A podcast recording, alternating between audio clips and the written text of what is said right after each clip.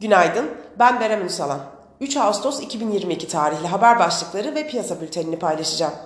Pelosi, ABD'nin Tayvan'ı yüzüstü bırakmayacağını söyledi. Çin ise tatbikat duyurdu. Fed üyeleri şahin açıklamalar yaptı. Türkiye tüketici enflasyonu bugün saat 10'da açıklanacak. Bloomberg anketinde yıllık tüfenin %80'i aşması bekleniyor. Enerji Bakanlığı Akkuyu projesinde önceliğin projenin zamanında bitmesi olduğunu duyurdu.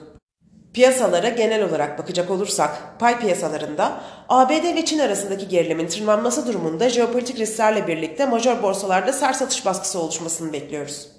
Borsa İstanbul güçlü bilanço açıklamaları ve beklentileriyle güçlü görünümünü devam ettiriyor. Ancak yurt dışı borsalarda satış baskısının güçlenmesi durumunda endekste de kar satışlarının oluşması öngörülebilir. Borsa İstanbul kapanışına göre ABD vadeleri hafif negatif seyir izlerken Almanya vadeleri yatay seyrediyor. Asya borsalarında genel olarak pozitif bir eğilim hakim. Teknik analiz verilerine bakacak olursak, gün içinde 2622 ve altına gerileme trade amaçlı alım fırsatı, 2685 ve üzerine düşük hacimli yükselişler ise satış fırsatı olarak takip edilebilir.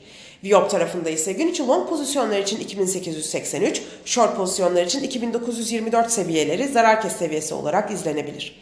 Borsa İstanbul'un ve endeks kontratının güne hafif pozitif bir eğilimle başlamasını bekliyoruz. Kazançlı günler dileriz.